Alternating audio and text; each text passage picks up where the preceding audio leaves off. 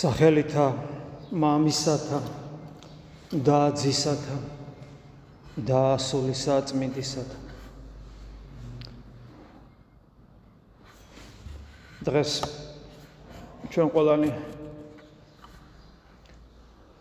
უჩვეულო გარემოში და სიტუაციაში და მდგომარეობაში ვიმყოფებით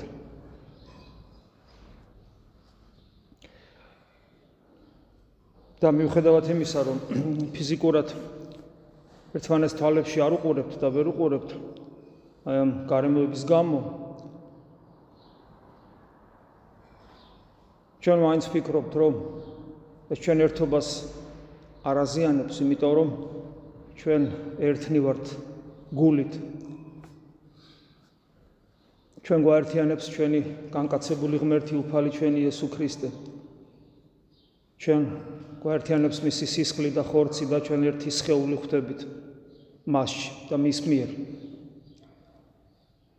პერიოდულად კონდა დღევანდელი მსახურების დროს განცდა იმისა, რომ თქვენ თქვენი უფლისადმი ერთგულებით მიუხედავად იმისა, რომ გარეთ ცივა და მაინც მოხვედით. როცა თქვენთვის მთავარია ქრისტე და არა ყველაფერი დანარჩენი ეს თქვენი გულის მიერი განწყობა სულიერად თუ ფსიქოლოგიურად არ ვიცი, მაგრამ ფაქტია, რომ მე მსახურების დროს მეხმარებოდა მაძლიერებდა და სტიმულს მაძლევდა. და ჩვენ ერთობას უფრო მეტად ხას უსვავდა ჩემში.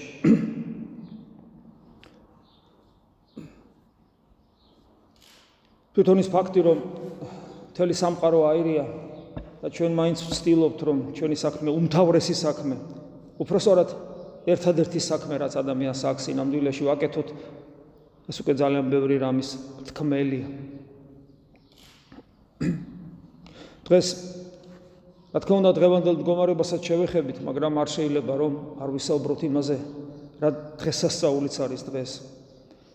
მარხვა ნახევრდება და აი ამ პერიოდში რომ ადამიანი ადამიანმა არ დაივიწყოს არსი მარხვისა.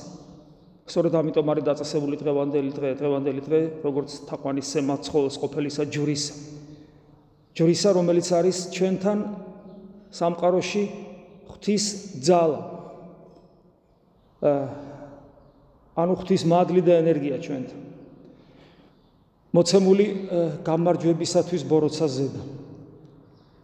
და სადაც არის ჯვარი ქრისტეს იქ არის განკაცებული ღმერთი და იქ არის მთელი მისი ცხოვლის მყოფელი და ბაცოცხლებელი განგებულება თითოეული ჩვენგანის გადასარჩენად.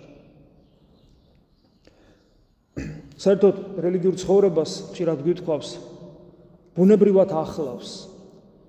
მას შემდეგ რაც ადამიანმა ღმერთს უარი უთხრა თავის გულში, თავის გულიდან გააძევა ღმერთი და შემდეგ მთელი ეს სამყარო იმად გადაიქცა, რადგან გადაიქცა და ადამიანი ასე წერია გამოდევნილი იქნა სამოთხიდან. მას შემდეგ ღმერთსა და ადამიანს შორის ურთიერთობა ურთულესი გახდა. ის ის უშუალო ურთიერთობა, რომელიც არსებობდა აღარ იყო. ხო და მას შემდეგ ეს ურთიერთობა, რომელიც ადამიანსა და ღმერთს შორის არის, არის ესეთი იურიდიული ტიპის ურთიერთობა, როგორც ხშირად გვითხოვს, მე მისგან რაღაცა მცნებები მაქვს, რომელსაც ზოგ სინდისის მიხედვით გძნობ, რომელიც ასევე ღვთისაგან მოცემული ინსტრუმენტია, ზოგი გარკვეული გამოცხადებით მეძლეოდა ხო თქვა ძველი აღთქმის პერიოდში და შესაბამისად ვცდილობ მე ამ წესების შესრულებას იმისათვის რომ ღმერთის წინაშე სწორად ვიცხოვრო და მისგან მე ველოდები გარკვეულ სიკეთეს. ანუ მე ღმერთის წინაშე სწორად ვიქცევი, ღმერთისგან ველოდები სიკეთეს. მე გავაკეთე შესაბამისი მივიღე, არ გავაკეთე არ მივიღე. შესაბამისად, შეიძლება ასე ითქვას, რომ და ეს რჯული გამოცხადებით რელიგიებში მოცემულია, დაწერილია, იგივე მოსეს პირით, მანამდე ა ブラ ამს გამოეცხადა ვიცით. არსებობს რელიგიები, რომელსაც რაღაცა ახსოვდათ, რაღაცა თვითონ გამოიგონეს, რაღაცა ცოდნა პიტაპირ დემონებისგან მიიღეს, მაგრამ ამას პრინციპული მნიშვნელობა არ აქვს. არიან რელიგიები, რომელსაც რაღაც გარკვეული ცნებები აქვს და ისინიც მსგავსად ცხოვრობენ. ყოველ შემთხვევაში ეს იურიდიული დამოკიდებულება ღმერთისადმი მათთანაც არსებობს. რა თქმა უნდა, ძველ აღთქმაში ეს დამოკიდებულება სწორი და ჭეშმარიტია, იმიტომ რომ გამოცხადებით რელიგია, მაგრამ პრინციპი აქ ეს არის, რომ მეს გამოცხადება, ან უფრო სწორედ ხო ეს სჯული, რის მიხედვითაც მეუნა ვიცხოვრო, წინ მიდევს. და აი დღეს ჩვენ რომელთა მართ ეპისტოლეში ამოვიკითხეთ ესეთ სიტყვებს მეათე თავია. მოსე წერს ჟულის სიმართლეზე. კაცი რომელიც აღასრულებს ჟულს მისი მისი წყალობით ცხონდება ანუ მისი წყალობით იცოცხლებს გადარჩება. ანუ წინუდებს ეს ჟული ნახეთ როგორ ამბობს რჯულის სიმართლე. ვასრულებ ჩემ წინდებს და შორს საძიებელი არ ამაქვს. ჩემ წინ არის წინში წერია ეს სწორედ აქ არის საცდური რჯულის სიმართლისა რომ მან შეიძლება დაფაროს ჩემ თვალსაწიერიდან ის სიმართლე რომელიც არის რწმენის სიმართლე და შემდეგ პავლე მოციქული აგზელებს ხოლო რწმენის სიმართლე ამბობს. და რასაც ახლა ვამბობთ, საუბრობთ, ეს თავისთავად ხარიდან მოსული სიტყვები არ არის, პროფესორეთ პავლე მოციქული ამ შემთხვევაში ეყდნობა ითომ ძველი აღთქმის ჯულს, მეორე ჯულის ციგნი ასეთი, სადაც სწორედ მოსეს მიერ ამ მოცემულ ჯულზეა საუბარი და პავლე მოციქული სწორედ მას ეყდნობა გარკვეულ პერიფრაზირებას აკეთებს. ეს ძალიან საინტერესოა ეს პარალელება ამ ადგილებისა და პავლე მოციქული ამბობს ესეთ რამეს, რომ რჯულის სიმართლისაგან განსხვავებით, რომელიც წინუდევს ადამიანს და კითხულობს და მისით უნდა იცოცხლოს და გადარჩეს. რწმენის სიმართლე სხვა რამეს ამბობს და ნახეთ როგორ როგორ როგორ საოცრად ამბობს. ნუ იტყვი, პერიფრაზირება ძველი აღთქმის სიტყვებისა. ნუ იტყვი გულში ვინავა ზეცად. ანუ მიანიშნებს ზეცაზე, იმიტომ რომ რჯული კი წინ მიდევს, მაგრამ ღმერთი ხო წინ არ მიდევს ღმერთი ხო ზეცაშია ზეც არ არის სხვა თემა ეს არ არის ცა ღრუბელი და ვარსკვლავები მაგრამ ყოველ შემთხვევაში არ ამიწიერი ყოფნა ღმერთი ხო ზეცაშია ჯული კი წინ მიდევს მაგრამ ამ დროს მე გულში ფიქრობ კი მაგრამ ზეცაში რომ არის ღმერთი? და მე ამბობს ვინ ნუ იტყვიო ამასო ვინავა ზეცა და შემდეგ აქცენტს აკეთებს ქრისტეზე ესე იგი ქრისტეს ჩამოსაყვანად ანუ მიანიშნებს რომ ზეცაში კი ღმერთია მაგრამ ღმერთი ხომ მოვიდა იესო ქრისტეა შემდეგ იგივე კითხვა შეიძლება დავთვა ვინ ჩავა უფსკულში იმიტომ რომ ღმერთი ყველგან არის მაგრამ ღმერთის არ ყოფნა კიდე ჯოჯოხეთია ეგება უფსკულია ანუ ადამიანი ცდილობს რომ ჯულის ფარგლებს გაცდეს და სამყაროს მიღმიერად მიღმიერში გაიხედოს ზეცაში თუ უფსკულში მაგრამ როგორც კი უფსკულს ახსენებს ანუ იქ ჯოჯოხეთს ახსენებს შესაბამისად ყოლავ ამბობს პავლე მოციქული, ესე იგი ქრისტეს ყდრეთით ამოსაყვანა და მეუბნება, რომ როგორც კი ჩემი გონება დაიწყებ, დაიწყებს, რომ მოცილდეს ამ წესს და კანონს, რელიგიურს და მოინდომოს სამყაროს მიღმიერად გასვლა, გინდა ზეცაში, სადაც ღმერთი ეგულება, გინდა უფსკულში, სადაც ღმერთი არ ეგულება, ყველგან ქრისტე დახვდა, ზეცაშიც და ჯოჯოხეთშიც ქრისტე დახვდა, იმიტომ რომ ზეციდან მოვიდა და ჯოჯოხეთიდან ჩავიდა რა, ამოვიდა და მართალთა სულები ამოიყვანა. მაგრამ მე საოცარ ამას მეუნება კლავ პავლე მოციქული რომ აა გადარჩენის სიტყვა გადარჩენის სიტყვა ანახეთ როგორ ამბობს? ახლოსაა შენთან სიტყვა. ანუ სინამდვილეში შეიძლება შეძრწუნდე რომ წინში წინში წინში ღმერთს ვერ პოულობ. ისე ცოცხალ სიცოცხლეს ვერ პოულობ. ზეცაში როგორ უნდა ავიხშევიდე ავიხედო. ქვესკნელში როგორ უნდა ჩავიდე მან უგეშებს რომ ქრისტე დამხვდება ყველგან მაგრამ ამავე დროს საოცრად მეუნება რომ სინამდვილეში ნუ გეშინია ესეც ძველი აღთქმის ჯული ჯულიდან არის პერიფრაზირება მეორე ჯულის ციგნიდან იმიტომ რომ ძველ აღთქმაშიც ახალი აღთქმის სული რა თქმა უნდა იქაც არსებობდა. მან უგეშებს ნუ გეშინია შენ ბაგეზია და შენს გულშია ეს სიტყვა. ანუ ის ზეცაც და ქვესკნელიც ანუ უფსკულიც ყველაფერი შენშია საძიებელი შენი გულიდან არის გასასვლელი და შორს წასვლა არ დაგჭირდება შენს ბაგეზე და შენს გულში. და ეს ის სიტყვაა პავლე მოციქული ამბობს რომელსაც ჩვენ ხადაგებთ რადგან თუ შენი ბაგეებით და რას ხადაგებთ ანუ რას ხადაგებს პავლე და რას ხადაგებს 2000 წელია ეკლესია? თუ შენი ბაგეებით აღიარებ უფლად უფლად ანუ შენს გამგებლად შენს მეფეთ თუ შენ უფლად აღიარებ იესოს და გულით გწამს რომ ღმერთმა იგი აღადგინა მკვდრეთით აღადგინა იმიტომ რომ ის ღმერთია და მასში სიკვდილი ვერ გაჩერდებოდა ცხონდები ანუ გადარჩები. აი ზეცაც და ქვესკნელიც ყველაფერი რაც სამყაროს მიღმიერია, რომელიც ყველაფერი ქრისტემა აღავსო, იმიტომ რომ ყველგან შევიდა და ყველგან ყველგან არის და ყველგან იყო და ყველგან ჩავიდა და ყველაფრიდან აღმოვიდა და ყველგან თავის სიკეთე და მადლი შეიტანა, აი ეს ყველაფერი შენს გულშია საძიებელი, ოღონ უნდა აღიარო იგი შენს შენი გულით. და უნდა გწამდეს შენი გულით და მაშინ გადარჩები და ცხონდები ვინაიდან გულით სწამთ სიმართლისათვის ბაგით კი აღიარებენ ცხონებისათვის რადგან წერილი ამბობს არ შერწება არც ერთი მისი მორწმუნე და აი აქ კარგად წარმოჩინდება ჩვენი რწმენა რომ მოწამეობრივი უნდა იყოს. ანუ არ შეიძლება მე მწამდეს და ჩემთვის სადღაც დამალული ვიყო. მე თუ მწამს მე ვამოწმებ რომ იესო ქრისტე არის ღმერთი. ოღონ იგი არ არის საძიებელი სადღაც არამედ იგი რადგან მოვიდა იგი საძიებელია ჩემში ჩემს გულში. ამიტომ ვისაც გულით სწამს და ვინც ბაგით აღიარებს, ანუ ვინც არ აღიარებს, ის არ ამოწმებს, ვინც არ ამოწმებს, მას მაცხონებელი მდგომარეობა არ აქვს. და შემდეგ პავლე მოციქული კვლავ აგძელებს, რადგან უფლის სახელის ყველა მხმობელი ცხონდება, ანუ გადარჩება. ოღონ უფლის სახელის მხმობელი არა ისე, როგორც მე უფალი ამბობს, მრავალი მეუნებაო, მე უფალო, უფალო. არა ასე, არამედ ვინც ჭეშმარიტად, ვინ ჭეშმარიტად გულისმიერად რწმენით მოწამეობრივი სულით აღიარებს მას ის ცხონდება. და რა თქმა უნდა აქ უკვე ერთგვარი მინიშნება არის უკვე ჩვენ ლოცვის მდგომარეობაზე რომ როდესაც ჩვენ ცხოვრობთ ამგვარად როგორც პავლეს ხულგვეონება ეს ნიშნავს იმას რომ ჩვენ გულში მუდამ ვატარებთ იესო ქრისტეს სახელს და რა თქმა უნდა ეს არის ის რასაც ჩვენ გონიერ ლოცვას ანუ ისიხასტურ პრაქტიკას უწოდებთ.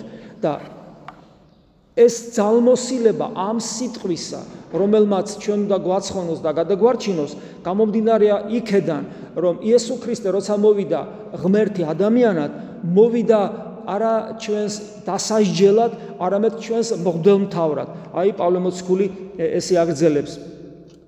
ეს არის ებრაელთა მიმართ ეპისტოლე მეოთხე თავი. და რა კი ჩვენ ყავს დიდი მღვდელმთავარი, რომელმაც გამოვლო ცანი იესო ზეღვთისა, მტკიცეთ მივდიოთ ჩვენს აღსარებას. ანუ ის ვიზეც საუბარი იყო ამ აქამდე, კიდევ ვიმეორებ, ის მოვიდა ჩვენს მღვდელმთავრად. არა დამსჯელად, არამედ მღვდელმთავარი. მღვდელმთავარი ნიშნავს სხერპლის შემწირველს და მეოხს. სხერპლად შეწირა საკუთარი თავი და მეოხი ზეციური მამის წინაშე, როგორც როგორც ღმერთი თანაარსი ზეციური მამისა, მუდმივი მეოხია ჩვენს წინაშე. ამას ნიშნავს მღვდელმთავარი.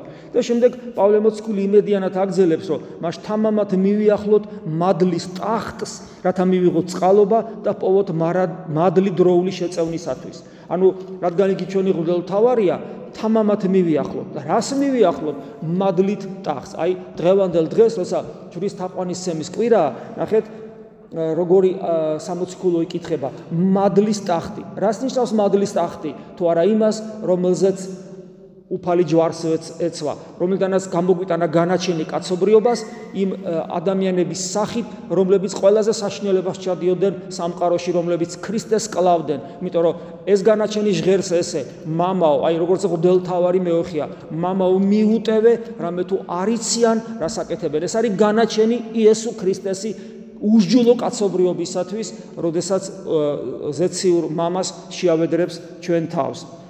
ეს არის, მაგრამ მიუხედავად ამისა, რომ ჯვარი არის ადგილი, სადაც ჩვენ ქრისტეს ადგილი მიუჩინოთ, ეს სამწუხარო რეალობა და მიუხედავად ამისა, რომ აი ესე გამოვიქეცით, უფალი ჯვრიდან, როგორც მადლის ტახტიდან, ანუ მადლის ტახტიდან ნიშნავს, რომ ცოტა თანამედროვე სიტყვებით რო თქვა, გასაგები რო იყოს, საფრთხო ენერგიის ტახტიდან შეიძლება ასე ითქვას, იგი მას გამოაქვს გამამართლებელი განაჩენი. მაგრამ ეს სულაც არ ნიშნავს იმას, რომ ვიცით რა ეს ისტორია გამოცხადებითად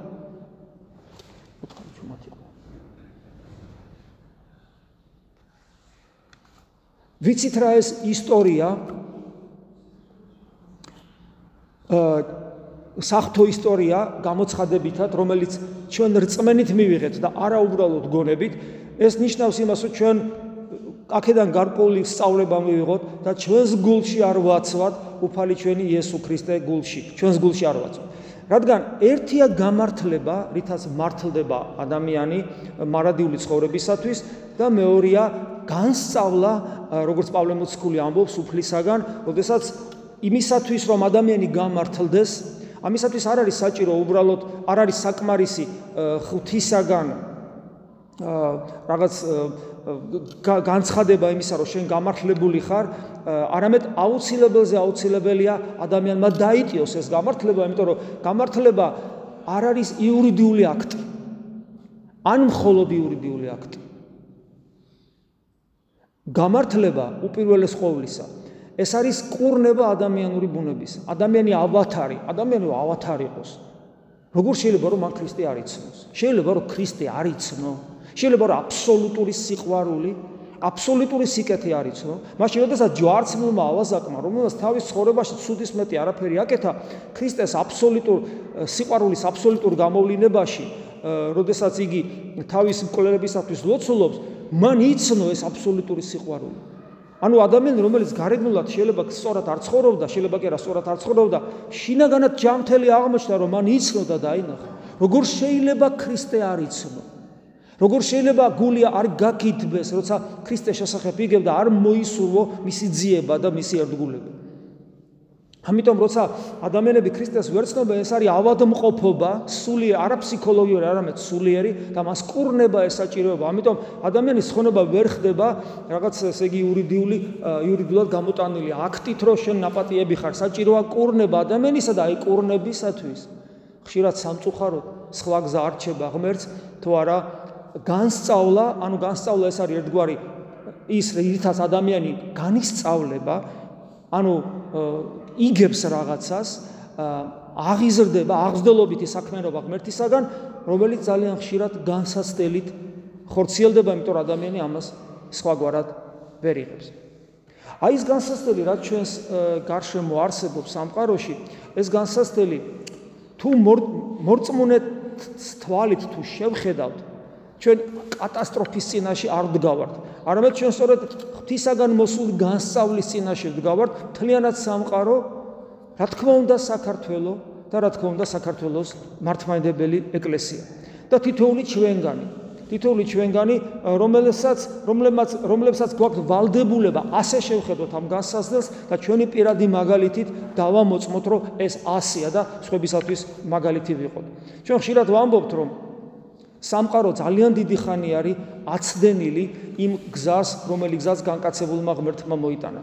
თუ ჩვენ გადავხედავთ სამყაროს ცვლილებას, ზნეობრივი თვალსაზრისით, წანაცვლებას, ეს მიდის ძალიან უარყოფითისკენ, განსაკუთრებულად სავალალოა ის, რომ ეს ხდება იმ რეგიონებში, სადაც ოდესღაც ქრისტიანობა ზეობდა და ყვაობდა. როდესაც დღევანდელი ცივილიზებული სამყარო ივიწყებს ქრისტეს, დასცინის მას, უარყოფს მას თავის სიტყვით და ცხოვრების წესით და მაქსიმალურად შეურაცხყოფს. იმ შეურაცხყოფს იმგვარად, რომელიც შეურაცხყოფა წარმოუდგენელი იყო უბრალოდ ცოტა ხნის წინ არათუ იმ პერიოდში, როცა ქრისტიანობა ზეობდა, არამედ თუნდაც რაღაც 50 წლის წინაც კი წარმოუდგენელი იყო იმგვარი შეურაცხყოფა, რომელსაც ჩვენ დღეს ვხედავთ. და ნიჩეს მიერ ხშირად მithქვას ხოლმე გახმოვანებული ღმერთი მოკვდა, ნელ-ნელა ძალას იღებს და ადამიანთა უფრო და მეტ მეტ ადამიანთა გულებში კვდება ქრისტე, ქრება ქრისტე და ოდესღაც ქრისტიანული სამყარო, რომელსაც თანამედროვე ცივილიზაცია მოიტანა, ამ ამ ქრისტიანული ცივილიზაციის მზე იწყებს ჩასვენებას, შეიძლება ასე ითქვას. მაგრამ ამ სამყაროში არიან ადამიანები, რომლებსაც ეს არ სურთ გაცნობიერებულად ან გაუცნობიერებლად პოტენციაში მაინც ატარებენ შესაბამისად იმ მუხს, რომლითაც შეიძლება მათ ქრისტე შეიცნონ. ამიტომ აი ეს პროცესი ის მდინარება, რომელსაც ჩვენ სამყაროში ვხედავთ, ეს მდინარება აშკარა კატასტროფისკენ მიდის და ეს იწევს იმას, რომ თანამედროვე ტექნოლოგიების განვითარებასთან ერთად ხდება ადამიანის ევოლუცია მართლაც, როდესაც წარმოქმნილი აქვს, რომ ადამიანი უნდა გახდეს რაღაც სხვა არსება, ოღონ ისეთი არსება, რომელსაც არაფერი აღარ ესაქმება მარადიულ ტრანსცენდენტულ ღმერთთან, მარადიულ სიცოცხლესთან, ორად აქ უნდა იყოს, რაც შეიძლება დიდხანს კომფორტულად და კეთილდღეობით.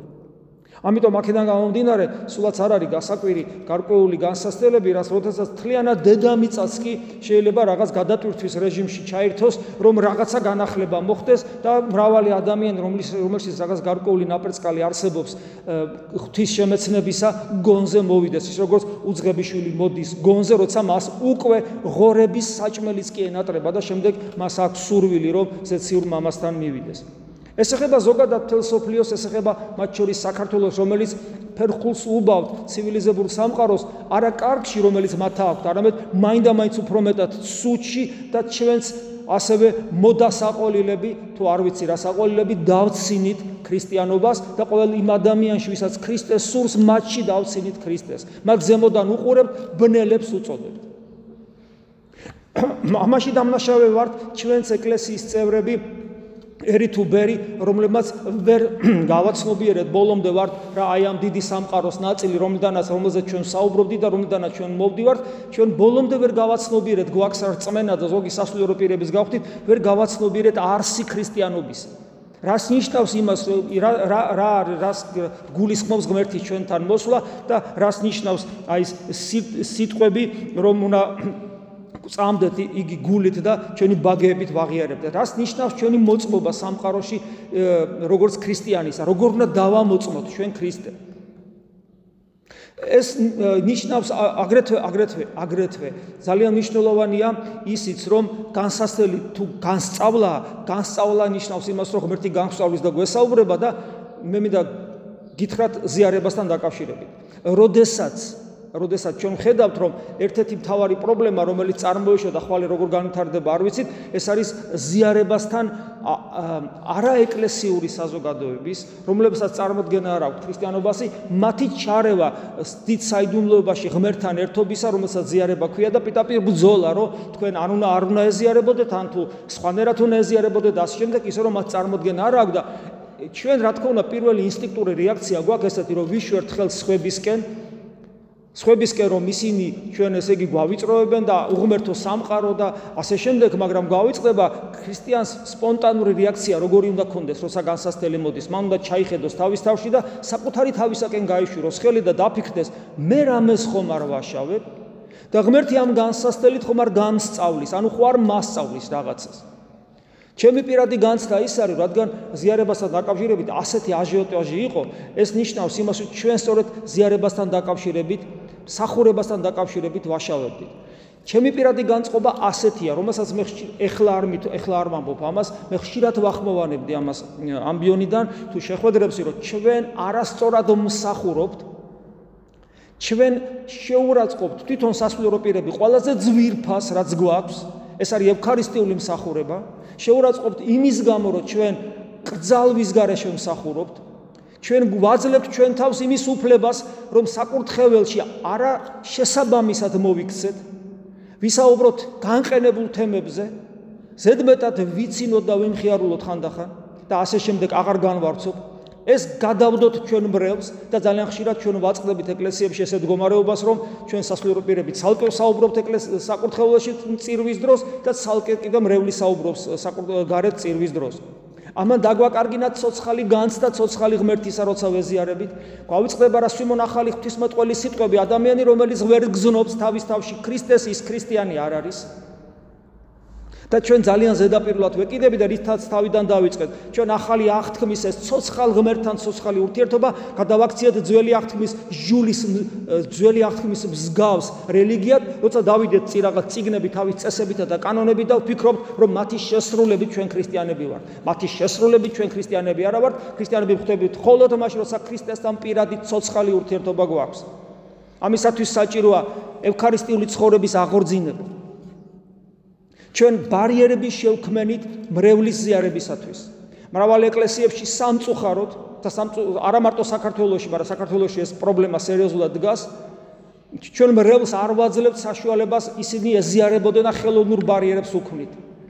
უწესებთ ხელოვნურად ლოცვებს, რომელსაც საეკლესიო განწესება და ტიპიკონი, რომელზეც არ საუბრობს. ჩვენ უგზავნებთ მრევლს ზიარებას წირვაზე თუ ისინი მწუხცისკრის ლოცვაზე არ დასწრებულან და ასეთი კანონიც არ არსებობს. ესე ჩვენ მოვიგონეთ წუხცისკრის ლოცვა მნიშვნელოვანია ძალიან მაგრამ თუ ადამიანი ობიექტური მიზეზის გამო ვერ ახერხებს მასზე დასწრებას კვირას მისი ზიარება შეიძლება და ეს კანონით აკრძალული არ არის?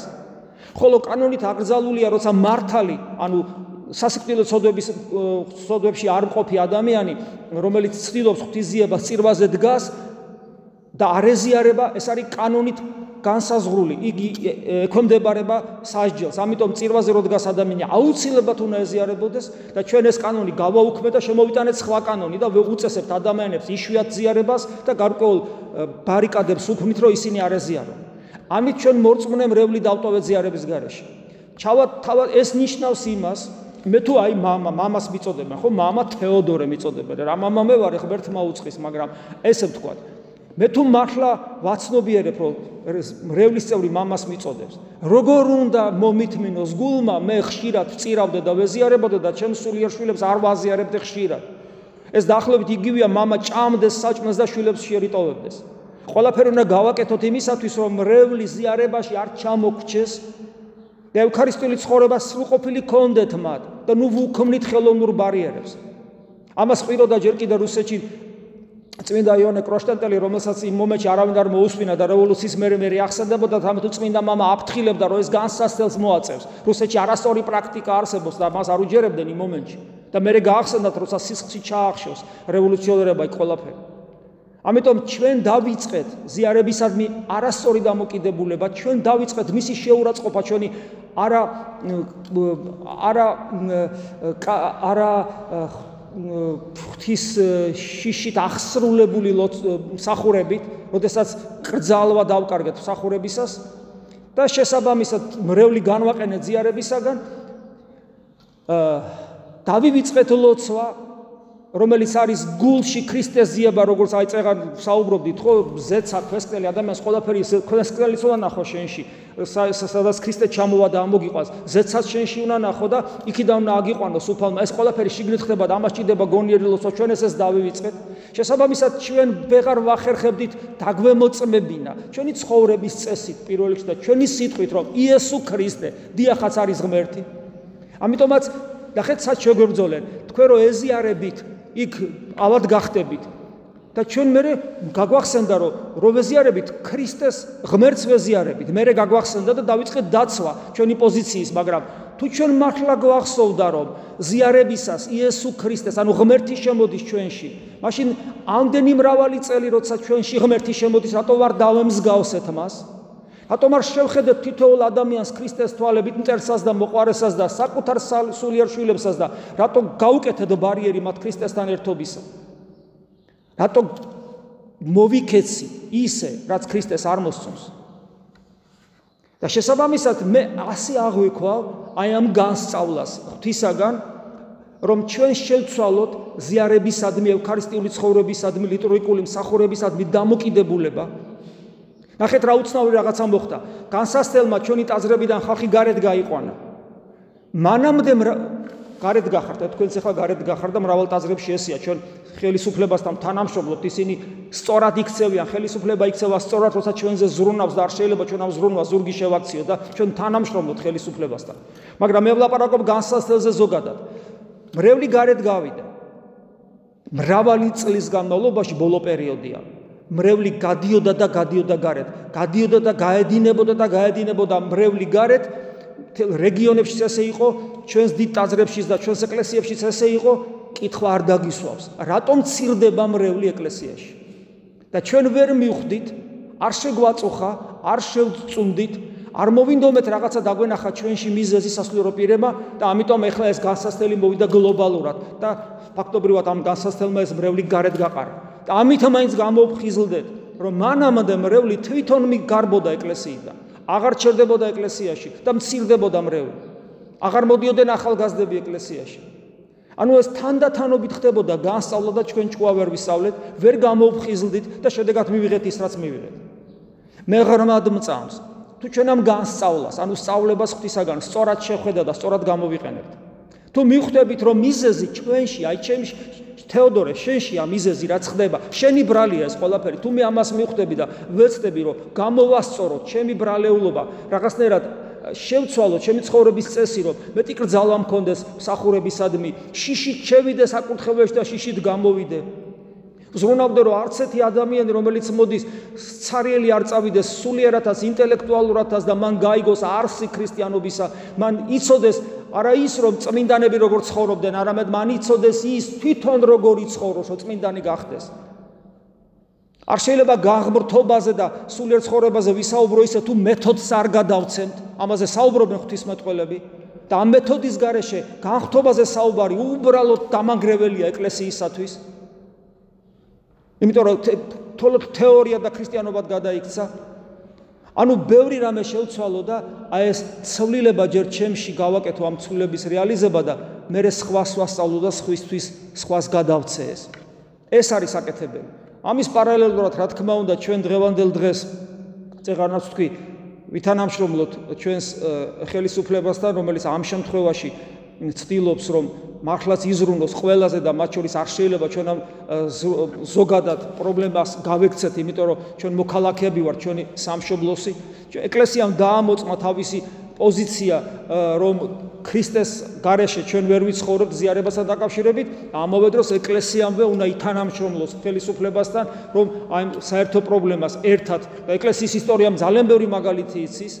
როდესაც ჭირიანობა იყო ხოლმე იგივე ალექსანდრიაში გამახსენდა როგორ ქრისტიანები როგორ ეხმარებოდნენ იმ წარმართებს რომელიც წარმართებიც მას დევნიდნენ როგორ ეხმარებოდნენ მათ როგორ უვლიდნენ და როგორ მარხავდნენ მიცვალებულებს და ხშირად თვითონაც ავადდებოდნენ არ გარბოდნენ ალექსანდრიდან ქალაქიდან იმ იმ როგორც სხვები გარბოდნენ ქრისტიანები არ გარბოდნენ და მოყვასის სიყვარულს იმით აღასრულებდნენ რომ ბოლომდე ზრუნავდნენ ადამიანებისათვის კიდევ მიმარებ იმ ადამიანებისათვის რომლებიც მათ დევნიდნენ. ეს ჩვენი ვალდებული ღირებულება არის უბრალოდ ვითანამშრომლოთ ხელისუფლებასთან რომ ეს ჭირი ჩვენთან არ გავცელდეს მაგრამ სულიერი თვალსაზრისით ჩვენ თუ დიაგნოზი არ დავსვით ჩვენ ამ განსასწრებს ამ განსწავლას ვერ გამოვიყენებთ. სწორად რეაქცია შესაბამისი პასუხები არ გვექნება სწორი.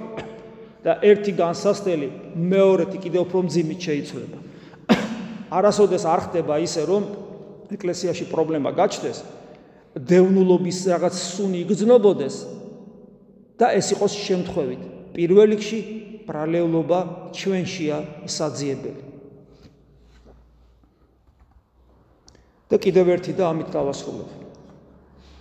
როგორც არასოდეს დღეს გვჭირდება ევქარისტიული, ანუ ზიარებითი, ასე ვთქვათ, სახურების აღორძინება, როგორც არასოდეს ისე გჭირდება დღეს რომ მრელს ვასწავლოთ რომ ხშირად ეზიარო და ეს ბარიერები მოუხსნათ ხელოვნური და ვასწავლოთ მუდამ როგორ იყვნენ ღვთისძიების რეჟიმში რომ მათი ზიარება ყოველთვის ღირსეული იყოს. და თუ ამ მიმართულებით პრობლემა გვაქვს რაღაცა ვისწავლოთ და სხვებსაც ვასწავლოთ და გარდა ამისა შეიძლება კიდე დამძიმდეს სიტუაცია ან ვიღაცისთვის ახლა უკვე მძიმეა შეიძლება ადამიანებს თქვათ მოუწიოთ სახში ყოფნა, ვასწავლოთ, ვისწავლოთ და ვასწავლოთ ლოცვა. იმიტომ რომ გონიერი იესოს ლოცვა ერთგვარ კომპენსაციას აკეთებს ევქარისტიული მსახურებისა. ადამიანის ეს ორი ფთა, ევქარი ანუ ზიარებითი ცხოვრება და გონიერი ლოცვა, რომელიც შეიძლება ერთ-ერთ საიდუმლოებად ჩაითვალოს, ისე როგორც ზიარება, იმიტომ რომ გონიერი ლოცვა, გულში აღსრულებული იესოს ლოცვა, ამას სწავლა ჭირდება, სწავლა და სწავლა და თუ არ გვისწავლია, უნდა ვისწავლოთ, მღვდელი ვალდებულია სწავლობდეს იესოს ლოცვას, რომ სხვას ასწავლოს. თორე ეს არგუმენტი რომ აბა ხებს რა ვასწავლო მე თვითონ არ ვიცი არ შეიძლება. მღდელი რო ვარ უნდა ვისწავლო რომ სხვას ვასწავლო. და თუ მე არ მინდა რომ ვისწავლო მაშინ ღდლობაზე უარი უნდა თქვა. მე ვალდებული ვარ ლოცვა ვასწავლო სხვას. კიდევ მეორე მე თუ ეს არ შემიძლია მაშინ მე მღდლათ არ ვარგი ვარ იმიტომ რომ ღდლის დანიშნულება არა მარტო ისაა რომ წიროს არამედ უმოძღვროს და როგორ უნდა უმოძღვრო თუ არ ასწავლი ღმერთი როგორ ეძებოს თავის გულში. ამიტომ უნდა ვისწავლო და ვასწავლოთ იმიტომ რომ ადამიანი მოწყვეტილია ხანდახან ევქარისტიულ მსახურებას ანუ ზიარებას, გონიერი ლოცვა ერთგვარ აღავსებს აი ამ ნაკლს და მადლს არ მოაკლებს ადამიანის გულს და იოლად გადაიტანს გარკვეულ პერიოდ უზიარებლობას.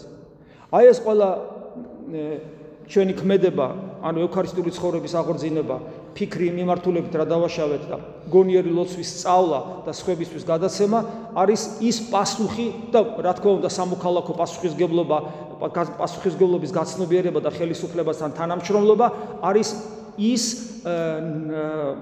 რეაქცია ჩვენი, რომელიც უნდა გქონდეს აი ამ თანამედროვე გამოწვევაზე. და მე ღრმად მწამს რომ ამ დიდ მარხვაში როცა ეს განსასწრებელი მოგვაწვა ჩვენ ღირსეულად გადავიტანთ თუ ასე მოვიქცევით და ღირსეულად შევხვდებით ასევე წინვალი აღდგომას. ქრისტეს ჯვარი გვფარავდეს ჩვენ და სრულიად საქართველოს ამინ. მადლი უფლისა ჩვენისა იესო ქრისტესი და სიყვარული ღმრთისა და მამისა და ზიარება სული საწმინდისა იყოს თქვენ ყოველთა თანა.